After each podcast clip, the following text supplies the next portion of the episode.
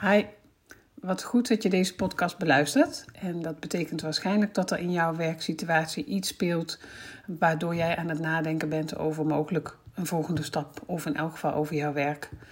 Nou, in deze podcast ga ik jou vertellen hoe belangrijk het is dat je weet wat je precies wilt, ehm, hoe dat doorwerkt in alles, in sollicitaties. En ik ga je ook vertellen wat het effect is als je dat niet goed weet en als je daar nog een vraagteken hebt zitten. Ehm, ik vind het zelf een heel belangrijk onderwerp, omdat ik ook zelf nou, toch wel 20 jaar HR-ervaring heb. Dus uh, ervaring als HR-consultant, als HR-manager. En ik heb met heel veel managers sollicitatieprocedures gedaan. En uh, je vist daar namelijk feilloos de mensen uit die oprecht enthousiast zijn en die onderscheiden zich ook echt van mensen die een twijfel hebben of een vraagteken hebben zitten. Um, het begint eigenlijk al bij het zoeken naar vacatures. Wat ik heel vaak hoor is dat mensen, en dat is ook heel logisch, vacaturesites bekijken om op ideeën te komen. Nou, dat doen we waarschijnlijk allemaal. Omdat, ja, weet je, op die manier zie je van alles voorbij komen en wie weet kom je zo op ideeën. Dat is vaak de insteek van het bekijken van alle vacatures of van googlen in de algemeenheid. Eigenlijk vind ik dat je daar omgekeerd bezig bent. Dus wat je daar aan het doen bent, is in de buitenwereld kijken wat is er allemaal. Terwijl het juist belangrijk is dat je bij jezelf begint. Wat vind jij nou belangrijk? Wat moet voor jou een volgende baan absoluut hebben? Wat spreekt jou dan aan? Dus um, vaak gaat het daar al een klein beetje mis. En nogmaals, het is heel logisch dat we op die manier te werk gaan, omdat je nou eenmaal op ideeën wilt komen. Je hebt uh, als vraagteken: wat moet die volgende baan dan zijn? En uh, ja, wat, wat kan je dan anders doen dan gaan zoeken? Dus ik, uh, ik oordeel daar ook niet over. Ik vind het heel begrijpelijk. Maar weet ook dat het eigenlijk de omgekeerde volgorde is. Nou, wat dan vaak gebeurt, is dat mensen gaan solliciteren op functies waarvan ze denken: Nou, misschien is dat dan wel iets. En daar zit nou net een belangrijk punt op het moment dat je een brief gaat schrijven en niet goed weet waar, waar je enthousiasme zit voor die functie, hè, die voel je dan waarschijnlijk ook wat minder, dan zal de lezer dat direct merken. Dus het ontbreken van dat enthousiasme, dat, dat werkt in alles door. Ik hoor ook heel vaak van mensen, ook van klanten die bij mij beginnen met een traject, dat ze zeggen: Ja, ik solliciteer eigenlijk best veel, maar ik word op alles afgewezen. En als ik dan vraag, maar hoe overtuigd was je ervan dat die baan het moest zijn? Nou ja, daar zit dan heel vaak een twijfel. En die twijfel, die werkt echt door. Ik heb zelf uh, twintig jaar lang ervaring uh, in het HR-vak. Ik ben HR-consultant geweest voor midden-kleinbedrijf en HR-manager. Ik heb met heel veel verschillende managers ook uh, sollicitatieprocedures gedaan. En we visten de mensen die oprecht enthousiast waren en overtuigd waren van die functie, die visten we er feilloos uit. Die onderscheiden zich echt ten opzichte van de mensen die heel erg hun best deden om een enthousiaste brief te schrijven, maar daar gewoon nog twijfels over hadden. Dus ik zeg altijd: als jij nog een soort van vraagteken hebt over wat moet die volgende baan nou precies zijn, dan merkt die ander dat ook. Ook al kent hij jou niet, hij of zij gaat dat merken, leest dat in je brief, uh, ziet het in een gesprek. Dus um, ja, belangrijk om dat te beseffen. Dat je dus natuurlijk ziet het je en kan je ook waarschijnlijk niet anders dan wel um, brief gaan schrijven en, en gaan reageren op functies. Of zelfs mensen inschakelen. Daar, daar werkt het net zo. Op het moment dat je aan mensen vraagt van... Goh, ik zoek wat anders, ik weet niet goed wat, maar denk aan mij. Ja, als daar dat vraagteken zit, dan gaan mensen ook niet aan je denken. Want mensen denken pas aan je op het moment dat jij ook heel concreet kunt aangeven bij wat voor functie ze dan aan je moeten denken. Dus ja, het geeft eigenlijk aan het belang van goed uitzoeken wat je nou precies wil voordat je ook gaat solliciteren. Um, het kan best allebei, maar weet dan dat je gewoon veel tijd kwijt zult zijn aan solliciteren.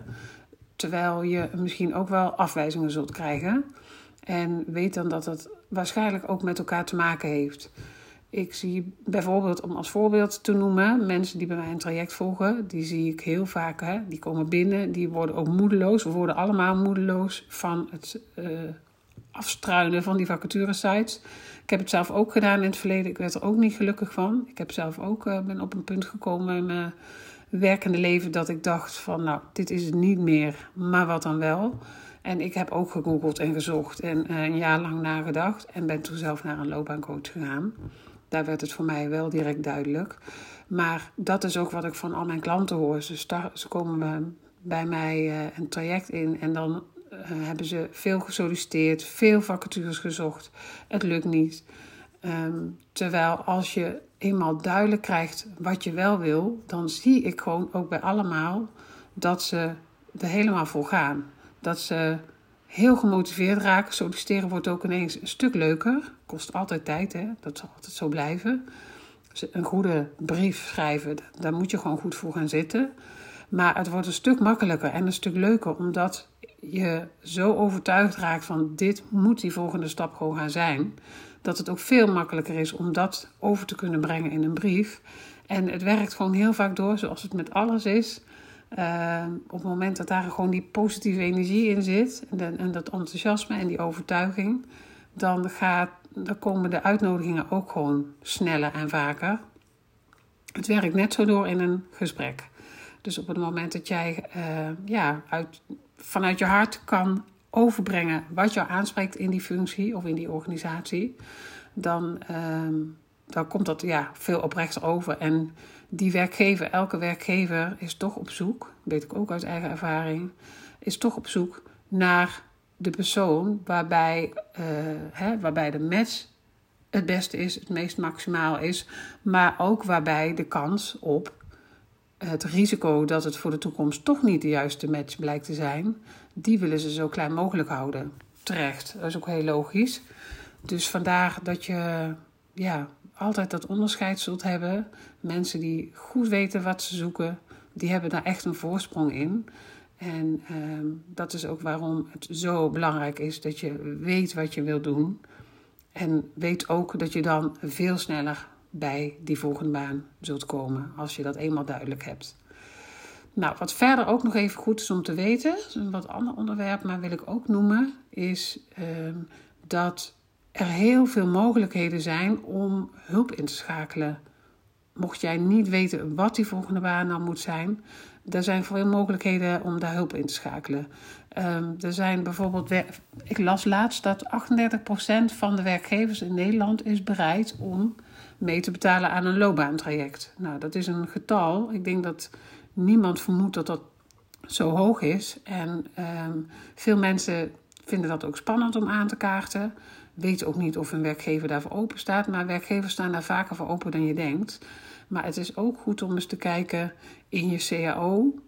Um, mocht je een CAO hebben, mocht je organisatie een CAO hebben, om eens te kijken of dat daarin iets is opgenomen. Want dat gebeurt ook vaak. Dat je bijvoorbeeld recht hebt op scholingsdagen en onder scholing valt dan soms ook loopbaancoaching. Um, het kan vanuit een reïntegratie. Als je al langer ziek bent, dan zijn er mogelijkheden voor loopbaancoaching. Er zijn subsidieregelingen. Um, op dit moment is er eentje voor rijksmedewerkers. Dus alle medewerkers van de Rijksoverheid die kunnen een loopbaancoach inschakelen voor een bedrag van 1500 euro exclusief BTW. En dat is een regeling die geldt tot juni of tot het budget eerder op is. Dus um, mocht je een rijksmedewerker zijn, dus in dienst van de Rijksoverheid, dan is dat nu een subsidie voor loopbaancoaching die er is. En zo zijn er eigenlijk regelmatig wel regelingen, dan weer voor de ene of de andere sector. Um, er zijn ook een aantal keer regelingen geweest voor uh, landelijk gezien. Voor iedereen was daar een uh, subsidie voor loopbaancoaching. Die geldt nu niet, zal voorlopig ook niet zomaar terugkomen waarschijnlijk.